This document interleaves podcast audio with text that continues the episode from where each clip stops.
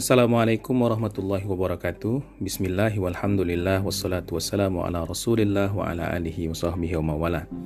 Sahabat-sahabat yang dirahmati Allah subhanahu wa ta'ala Semoga sehat-sehat semua Lancar-lancar puasanya di hari ketiga Ramadan 1441 Hijriah ini. Kita kembali bertemu Di serial kita Jejak Rasul Serial yang coba kita tanya untuk ikhtiar kita mengenali Rasulullah Shallallahu Alaihi Wasallam dan kalau dapat tentu saja ingin meneladani kehidupan beliau karena beliaulah memang contoh utama kita teladan yang paripurna dalam kehidupan umat manusia Shallallahu Alaihi Wasallam. Nah hari ini kita masih belum sampai nih kepada periode kelahiran Nabi. Kita masih bicara tentang suasana yang melatari dunia sebelum kelahiran Rasulullah Shallallahu Alaihi Wasallam. Kita ingin bicara situasi global pada saat itu. Meskipun ya tentu interkoneksitas antar daerah tidak sebagus sekarang, tapi ada kondisi-kondisi umum di dunia yang terjadi dan kita akan lihat juga sisi-sisi uh, sosial politik ekonomi mungkin di beberapa negeri-negeri penting sebelum Rasulullah diutus ke dunia. Nah, saya ingin mulai dari kondisi umum dunia. Ada seorang peneliti, sejarawan yang juga arkeolog di Harvard, namanya Michael McCormick. Dia katakan bahwa abad ke-6 itu, khususnya tahun 536 Masehi, merupakan periode terburuk dalam catatan sejarah umat manusia. Artinya periode ini berat sekali. Kenapa? Karena ada bencana pada saat itu, bencana alam ada kabut yang misterius itu menutupi Eropa, menutupi daerah Timur Tengah dan juga sebagian Asia. Sampai itu situasinya gelap siang malam karena kabut itu. Kurang lebih dalam sejarah dikatakan 18 bulan. Nah, karena kabut yang menutupi uh, daerah yang sangat luas ini, suhu udara di dunia pada saat itu iklim itu menunjukkan penurunan suhu sampai ke dua setengah derajat Celcius dan itu katanya merupakan suhu terdingin dalam dua milenium terakhir diukur dari zaman itu. Di Cina bahkan katanya ada salju yang turun di musim panas. Jadi e, cuaca itu jadi ngawur gitu, tidak pakem-pakem e, musim itu jadi gak berlaku. Akibatnya apa? Akibatnya ya kepada manusia ada gagal panen. Kalau sudah gagal panen ya pasti kelaparan. Di Irlandia itu ada kegagalan penyediaan pangan yang dicatat sejarah tahun 536 sampai 539 Masehi. Nah, nggak cukup sampai di situ. Pada saat itu terjadi juga itu wabah pes di Konstantin sampai ke wilayah-wilayah Mesir dan Afrika. Afrika Utara. Nah, wabah ini kemudian dikasih nama sesuai nama penguasa waktu itu wabah Justinian. Dia membuat jutaan orang meninggal. Bahkan katanya eh, kerajaan Romawi bagian timur itu itu eh, penduduknya terhapus wafat itu jumlahnya sampai setengah atau sepertiga. Nah, jadi memang itu saat-saat yang berat Nah, kita lihat kondisi negeri-negeri yang berpengaruh. Kita mulai dari Eropa mungkin ya. Eropa ini kalau kita lihat pembagian sejarahnya ada Eropa zaman klasik, ada era modern, nah di tengah-tengahnya itu kita sebut sebagai era pertengahan. Nah, abad ke-6 Hijriah itu adalah awal-awal era pertengahan Eropa, era-era zaman pertengahan. Kalau masa klasik itu yang kita ketahui ya kejayaan Yunani kuno ada Alexander the Great di situ. Nah, kemudian kan ini uh, bermetamorfosis kekuasaan ini sampai uh, Roma kemudian muncul sebagai negara kota tahun 753 sebelum Masehi. Kemudian berubah jadi Republik Romawi di era klasik itu tahun 509 sebelum Masehi lalu kemudian terus-menerus akhirnya jadi kekaisaran. Ya kita lihat ya bahwa pergeseran politik itu selalu ada, sistem tidak pernah abadi. Jadi yang dulunya negara kota polis begitu lalu kemudian jadi republik dan kemudian jadi kekaisaran malah. nah, kekaisaran Romawi ini kemudian uh, pada masa Diocletianus dia bagi dua, ada kekaisaran Romawi Barat itu Eropa Barat sekarang dan kekaisaran Romawi Timur. Romawi Timur itu wilayah yang kita sebut juga sebagai Bizantium. Nah, Bizantium ini wilayahnya kira-kira adalah daerah uh, Yunani, Balkan, kemudian Asia Kecil, Suriah, Palestina, wilayah Syam itu, kemudian Mesir dan uh, Afrika Utara. Dia beribu kota di Konstantinopel. Nah, Eropa gimana dong? E, Kekaisaran Romawi Barat bagaimana? Kekaisaran Romawi Barat ini runtuh tahun 476 Masehi. Nah, runtuh tahun 476 Masehi. Pada saat itu eh, ada pemberontakan ya yang banyak sekali. Kemudian ya, kekaisaran ini makin lama makin lemah, lalu kemudian eh, runtuhlah kekaisaran Romawi Barat dan di sana kemudian kontrol diambil alih oleh eh, gereja. Secara tangkas begitu gereja bisa mengambil alih kontrol. Karena apa? Karena pada saat itu gereja e, disusun berbasis kepada eh, tingkatan-tingkatan kekuasaan juga. Nah, kalau di kita mungkin itu daerah teritorial ya, seperti militer ya. Kalau militer di Indonesia itu kan setingkat wali kota ada militernya sendiri, Kodim gitu. Kalau setingkat provinsi ada komando resor militer. Nah, gereja itu kira-kira sama seperti itu. Di tiap tingkat tingkatan pemerintahan dia mendampingi. Jadi sehingga ketika kekuasaan politik habis, gereja itu uh, bisa take over Nah, kita lihat nanti juga eh, motif-motif kebangkitan di Eropa dan kemudian juga pergolakan serta perjuangan politik di Eropa itu banyak uh, di leading dan disupport oleh kekuatan gereja juga. Nah, cuma efek dari keruntuhan ini ya besar sekali ya.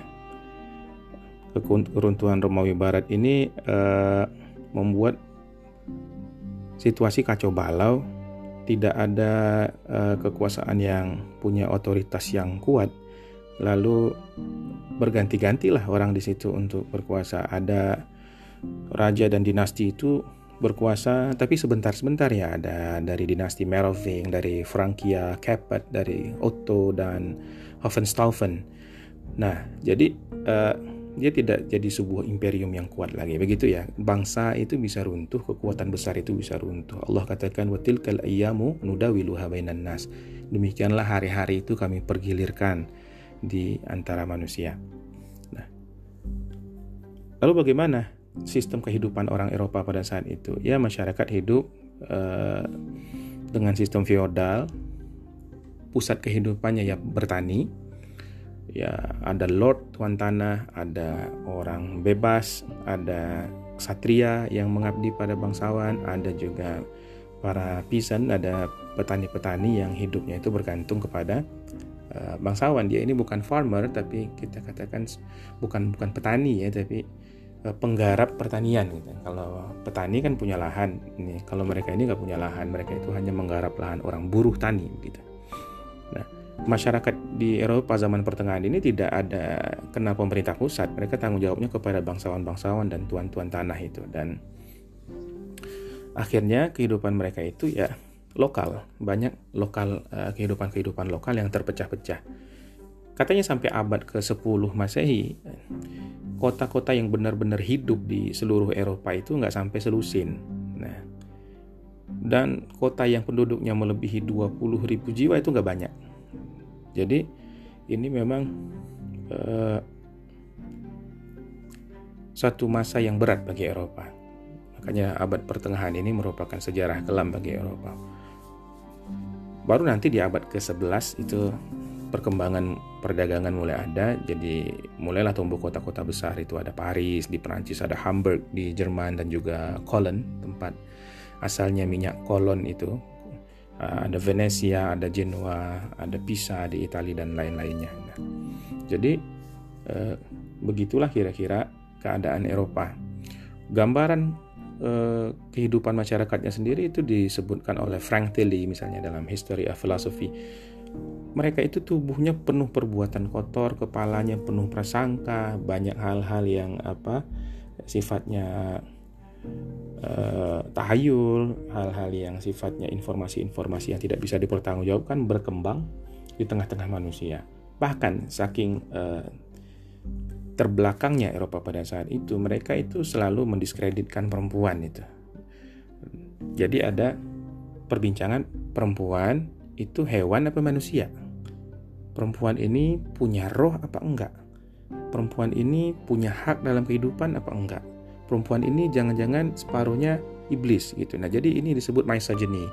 Kebencian kepada perempuan dan penindasan sekaligus kepada perempuan. Gak heran nanti di daerah-daerah sana muncul uh, gerakan feminisme sebagai uh, upaya melawan paham-paham seperti ini. Jadi ada sebab maka ada akibat. Jadi kalau orang Indonesia atau orang Islam terutama malah terjerumus ke dalam uh, feminisme, rasanya sebabnya itu nggak ada begitu karena begitu mulianya Islam menempatkan perempuan.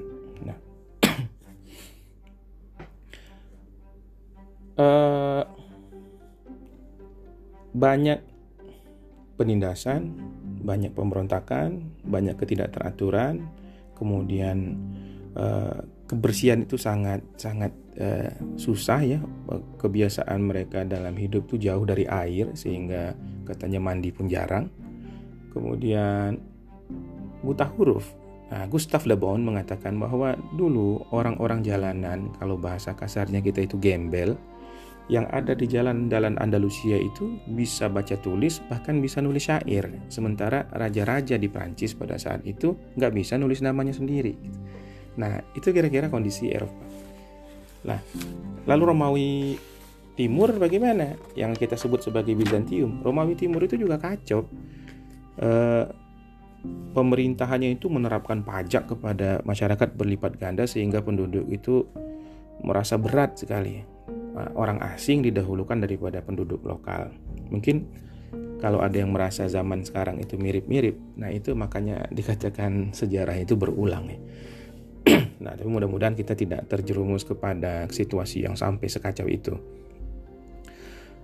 Ada peristiwa-peristiwa yang memakan korban pemberontakan misalnya di samping tadi wabah yang sudah kita katakan tadi dan juga uh, pada sisi yang lain kemewahan justru dipertontonkan jadi pada sisi apa keadaan yang sangat sulit sebagian orang justru mempertontonkan kemewahan dan sikap hidup hedonis yang berlebihan. Orang tuh suka belanja, e, kemudian berhias dengan berlebihan, bahkan hiburan itu sangat jadi sentral bagi kehidupan dan untuk mengupayakan hiburan ini sampai hal-hal yang tidak masuk akal. Bayangkan situasi sulit tapi mereka bisa gak bangun gedung Eh, pertunjukan yang isinya bisa muat 80 ribu orang bahkan sampai masa kita sekarang saja satu tempat yang bisa menampung penonton sejumlah 80 ribu itu juga termasuk raksasa. Zaman itu loh. Nah di situ orang mem, apa menyaksikan perkelahian. Ya gladiator lah begitu ya. Orang lawan orang sampai mati orang lawan binatang buas sampai mati. Lalu mereka tertawa tertawa kemudian mabok kemudian uh, dengan mengenakan semua pakaian yang mewah-mewah. Tapi di sisi lain orang sangat sulit. Nah, ini ekonomi itu bisa mati kalau dia mengalir ke kanal-kanal yang tidak membangun apa uh, kegiatan ekonomi real di masyarakat. Hiburan itu nggak membangun ekonomi real. Satu bangsa yang sibuk dengan hiburan itu uh, uangnya akan mengalir ke tangan artis Para artisnya kemudian membelanjakan uang juga kepada kebutuhan-kebutuhan tersier yang tidak membangun uh, ekonomi secara uh, kokoh. Maka fondasi ekonomi akan dangkal, kemudian akan terjadi krisis. Jadi jangan kira kecanduan kita kepada hiburan itu tidak berpengaruh kepada kehidupan kita, oh sangat berpengaruh.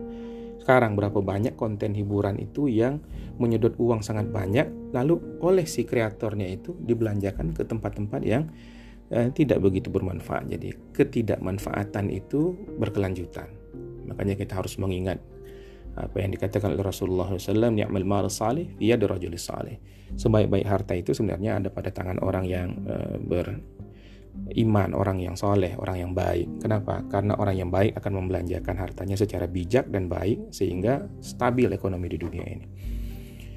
kita ini hidup dalam uh, linkage, dalam koneksi satu dengan yang lain. Apa yang kita perbuat berpengaruh kepada orang lain. Apalagi kalau kita punya kuasa, punya sumber daya yang banyak, satu hal yang kita buat akan berpengaruh kepada banyak orang. Maka kita mesti bijak. Nah, uh, perbudakan juga tuh ada perbudakan utamanya di daerah Mesir dan Suriah. Mereka itu menindas di sana. Jadi ada disparitas ekonomi, ada kesenjangan sosial, ada penindasan, ada pemberontakan, ada kekacauan. Itulah gambaran dari Imperium Bizantium pada saat itu. Nah, kita geser lagi ke lawannya dari Bizantium, saingannya, superpower dunia pada saat itu yakni Imperium Sassanid eh, di Iran, orang Persia. Mereka hidup ini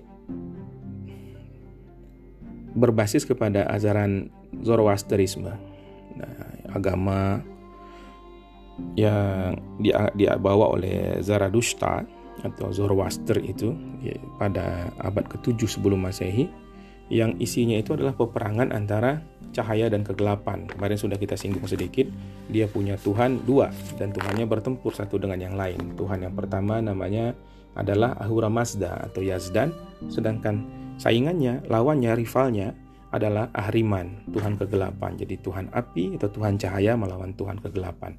Nah, dualisme mental ini berpengaruh kepada uh, sistem kepemimpinan juga awal abad ketiga Masehi ada Mani. Dia eh, datang memperbarui agama itu. Nah, dia digantikan oleh Syahbur pada saat itu. Nah, eh, Mani ini menyerukan apa? Hidup membujang. Supaya apa? Supaya kita terhindar dari kerusakan, kejahatan dari alam dunia ini Nah, kita nggak boleh mencampur antara cahaya dengan kegelapan. Maka dia haramkan pernikahan itu dianggap satu eh, apa namanya? Pernikahan itu adalah upaya percepatan bagi kerusakan. Nah, jadi kalau kita ingin menciptakan situasi yang bebas dari kezaliman, itu mata rantai keturunan manusia itu harus diputus. Mirip-mirip Thanos orang ini Kemudian uh, ada lagi ajaran Mazdak. Mazdak itu awal abad kelima Masehi dia muncul. Idenya lain lagi tuh. Dia mengatakan boleh menguasai sumber daya di muka bumi ini dan properti termasuk juga perempuan dan manusia itu bersekutu di dalam itu seperti uh, komunisme. Jadi harta milik bersama. Wanita bahkan ditempatkan pada tempat yang rendah sekali itu milik bersama. Jadi orang bisa saling rebutan saja kepada sumber daya dan kepada perempuan. Maka terjadilah pelanggaran kehormatan yang sangat uh, brutal ya. Hawa nafsu itu ditumpahkan demikian rupa dan apa namanya? banyak perbuatan-perbuatan jahat uh, persaingan-persaingan uh, dari sisi dari level yang paling kecil sampai yang paling besar dari level orang mulai bersaing untuk bisa makan sampai kepada persaingan uh, kekuasaan politik. Nah, kata Arthur Christensen, hasilnya apa? Terjadilah pemberontakan kaum petani pada saat itu. Nah, jadi ada pemberontakan kaum petani. Orang kalau ditekan terus ya lama-lama nggak tahan juga. Nah, kata Rasulullah SAW, kefakiran itu dekat kepada kekufuran. Ya, kenapa? Karena kalau perut lapar, logik nggak bisa jalan logika tanpa logistik itu bisa rusak katanya kan. Nah, ketika perut lapar orang cenderung memberontak. Maka pemberontakan kaum petani terjadi, perampok-perampok datang ke rumah orang kaya, semua benda-benda diambil, perempuan-perempuan ditangkap, tanah-tanah dikuasai. Kemudian ya karena petani pemberontak sawah kosong dan eh, harta-harta yang diambil oleh orang baru itu nggak bisa di pemilik barunya gak mengerti cara memanfaatkannya bagaimana sehingga ekonomi lagi mandek.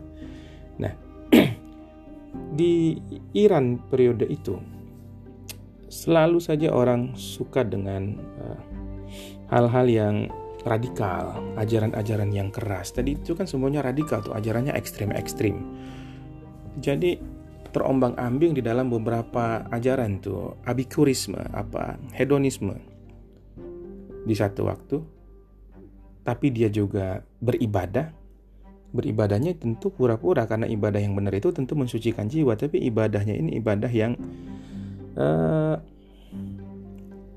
simbolik ya ibadah yang simbolik yang tidak meninggalkan asar tidak meninggalkan jejak dalam kehidupannya uh, ada pemusnahan anak keturunan tapi ada juga komunisme radikal itu paham Masdak tadi dan di satu sisi ada uh, anarkisme yang mutlak jadi ada hedonisme ada anarkisme juga dan ada komunisme juga. Nah, ini situasi kacau balau ini, tidak jelas.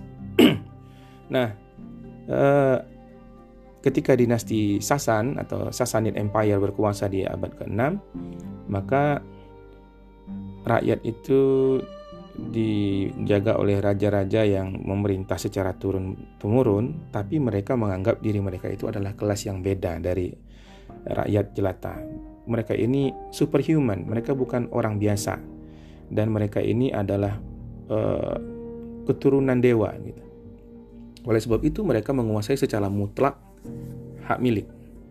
Nah, dikumpulin uang-uang, nah, artinya apa? Jadi setelah masa kekacauan tadi ada penguasa, oke kekacauan reda, tapi penguasanya sangat-sangat totaliter gitu. Nah, akhirnya kita melihat bahwa kehidupan para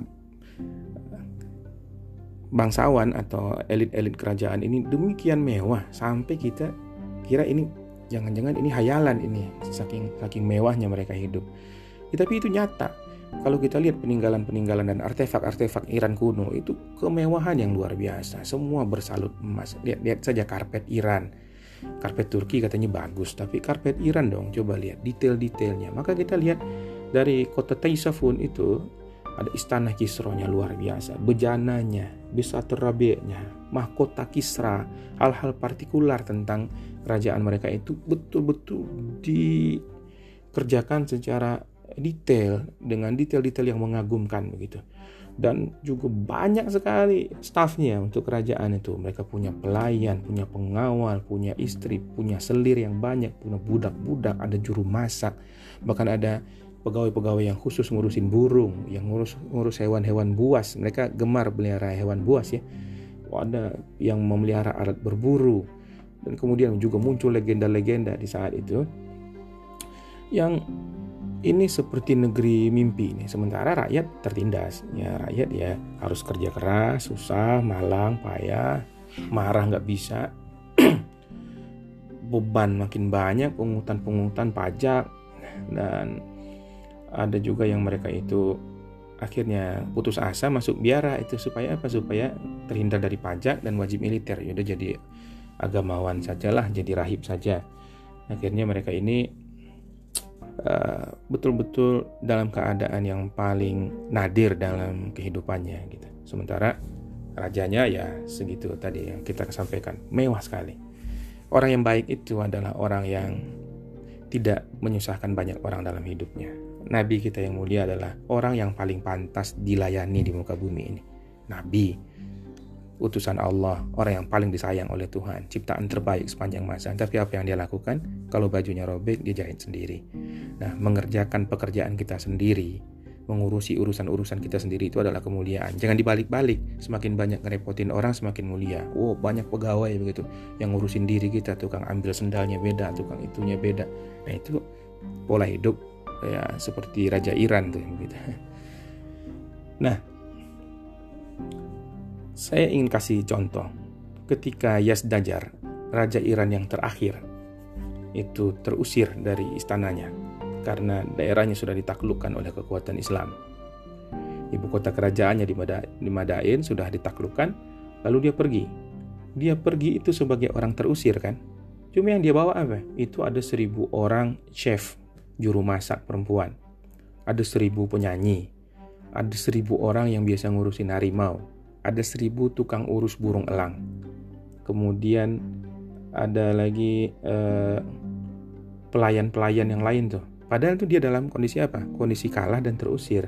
Dan dia pada saat itu menderita satu pukulan mental dia menganggap sedikit sekali orang yang bisa ikut dengan dia sedikit sekali orang yang uh, bisa melayani dia pembantu-pembantunya. Betapa dia sudah dalam keadaan sangat terhina dan miskin dengan harta dan itu pengikut sebanyak itu. Ini kita bisa lihat nih dalam uh, kitab misalnya Iran fi ahdi sasaniyin itu diceritakan. Jadi mereka dia dengan dengan uh, kekayaan dan pengikut yang sekian banyak saja itu merasa hina kita jangankan seribu punya pegawai tiga aja udah merasa hebat. Nah itulah beda standar kepuasan. Manusia ini kata Rasulullah tidak akan pernah bisa puas. Kalau ada uh, harta dua lembah emas begitu dia pasti inginkan yang ketiga. Gak tahu buat apa lagi. Jangankan tujuh turunan mungkin tujuh belas keturunan juga tidak habis hartanya tapi orang masih pengen nambah. Itulah uh, keserakahan manusia. Nah, mana lagi negeri yang uh, cukup besar pada saat itu? Ya India dong. India itu di zaman kuno kan sudah menonjol ilmu matematika muncul di situ, ilmu falak, kedokteran sampai falsafah juga muncul. Nah, tapi abad ke-6 itu juga adalah abad uh, terbawah kondisinya India secara agama, secara moral, secara sosial pada saat itu eh, dicatat oleh para sejarawan banyak sekali pengumbaran hawa nafsu bahkan sampai di tempat-tempat ibadah gitu. Nah, agama itu diselewengkan statusnya dari bentuk penyucian jadi ritual-ritual. Ritual-ritual yang sebagiannya itu menindas justru. Eh, lagi-lagi perempuan jadi korban Coba kita bayangkan, zaman itu orang judi bisa mempertaruhkan istrinya. Dan kalau istrinya sudah uh, ditinggal suaminya mati, dia itu seperti apa ya, seorang yang nggak boleh kawin lagi, tidak punya kehormatan lagi. Makanya itu ada tradisi yang di, dikenal sebagai tradisi sati, yaitu janda yang ditinggal mati suaminya itu akan membakar diri ini terutama pada golongan-golongan aristokratnya itu untuk melepas kesialan hidup katanya. Ini tradisi ini berlangsung lama ya dan baru berakhir itu ketika era penjajahan Inggris. nah, di India unik lagi tuh ada pembedaan manusia berbasis kasta. Nah, kelas sosialnya dibagi secara rigid dan ada embel-embel keagamaan di situ. Jadi ini adalah kelas sosial mengikat secara politik dan keagamaan. Uh, jadi undang-undang umum bahwa ada tok uh, kelompok yang namanya Brahmana, mereka ini kasta paling tinggi, isinya dukun-dukun, tokoh agama, pendeta-pendeta. Mereka dianggap adalah titisan Brahma begitu atau orang-orang suci. Di bawahnya ada orang-orang militer, yang disebut sebagai kasta satria. Di bawahnya lagi ada para petani, para pedagang, para orang-orang biasa kelas menengah begitu yang disebut sebagai kasta waisya. Dan paling bawah itu ada pelayan yang namanya kasta sudra. Ada lagi tuh di luar itu yang namanya dalit, orang paria, orang yang tidak punya kasta, bahkan tidak punya tempat. Untuk menjadi kasta terendah juga nggak bisa. Mereka ini susah dapat jodoh, susah dapat pekerjaan, bahkan orang-orang yang berada di kasta bahkan kasta sudra sekalipun nggak boleh menyentuh mereka karena mereka itu dianggap terlalu hina. Gitu. Coba bayangkan bagaimana mem memisahkan atau mem mengklasifikasi manusia dengan basis seperti ini. Nah, agama Islam mengajarkan inna akramakum indallahi atqakum. Sesungguhnya orang yang paling mulia di antara engkau adalah yang paling takwa, paling dekat dengan Tuhan, paling cinta dengan kebaikan, paling jauh dengan kejahatan itu orang yang mulia. Jadi standarnya itu saja, bukan harta benda, bukan keturunan dan bukan yang lain-lain. Meskipun tentu secara sosial ya tentu ada posisi-posisi tertentu yang mesti kita hormati. Kata Rasulullah anzilun nas manazilahum. Kamu tempatkan dong manusia itu sesuai dengan posisi-posisinya supaya tidak ada kehormatan yang dilanggar, tidak ada hati yang sakit, tidak ada eh, konflik-konflik begitu. Tapi ini pembedaan sosialnya itu uh, sangat jelas dan sangat rigid. Orang tidak bisa pindah kasta. Nah, Brahmana itu orang laki-laki suci yang sudah diampuni dosanya. Sekalipun dia berbuat salah, bikin orang mati juga dia tidak ada masalah. Dia bebas pajak, tidak bisa dihukum, tidak bisa dibunuh dalam keadaan apa pun juga. Nah, kalau orang sudra itu memiliki harta aja nggak boleh, menyimpan harta nggak boleh, tidak boleh duduk sejajar dengan kasta yang lain, tidak boleh menyentuhkan tangan kepada Brahmin, tidak boleh belajar kitab suci. Nah, eh, akibatnya itu juga konflik sosial pasti terjadi, banyak pertentangan, banyak eh, malpraktek administrasi, banyak persoalan keamanan, banyak pembantaian, banyak uh, pengabaian kepada rakyat kecil. Dan India itu pada saat itu jumut, terasing dari dunia luar. Ada fanatisme golongan, fanatisme keturunan. Maka penduduk India itu uh, menurut uh, Vid, uh, siapa Vidyadhar Mahajan dia menulis satu buku Muslim Rule in India uh, beliau mengatakan sebelum Islam masuk India nantinya, penduduk India itu memutuskan hubungan dari dunia luar. Dia kumpul-kumpulnya sama keluarga dekat saja.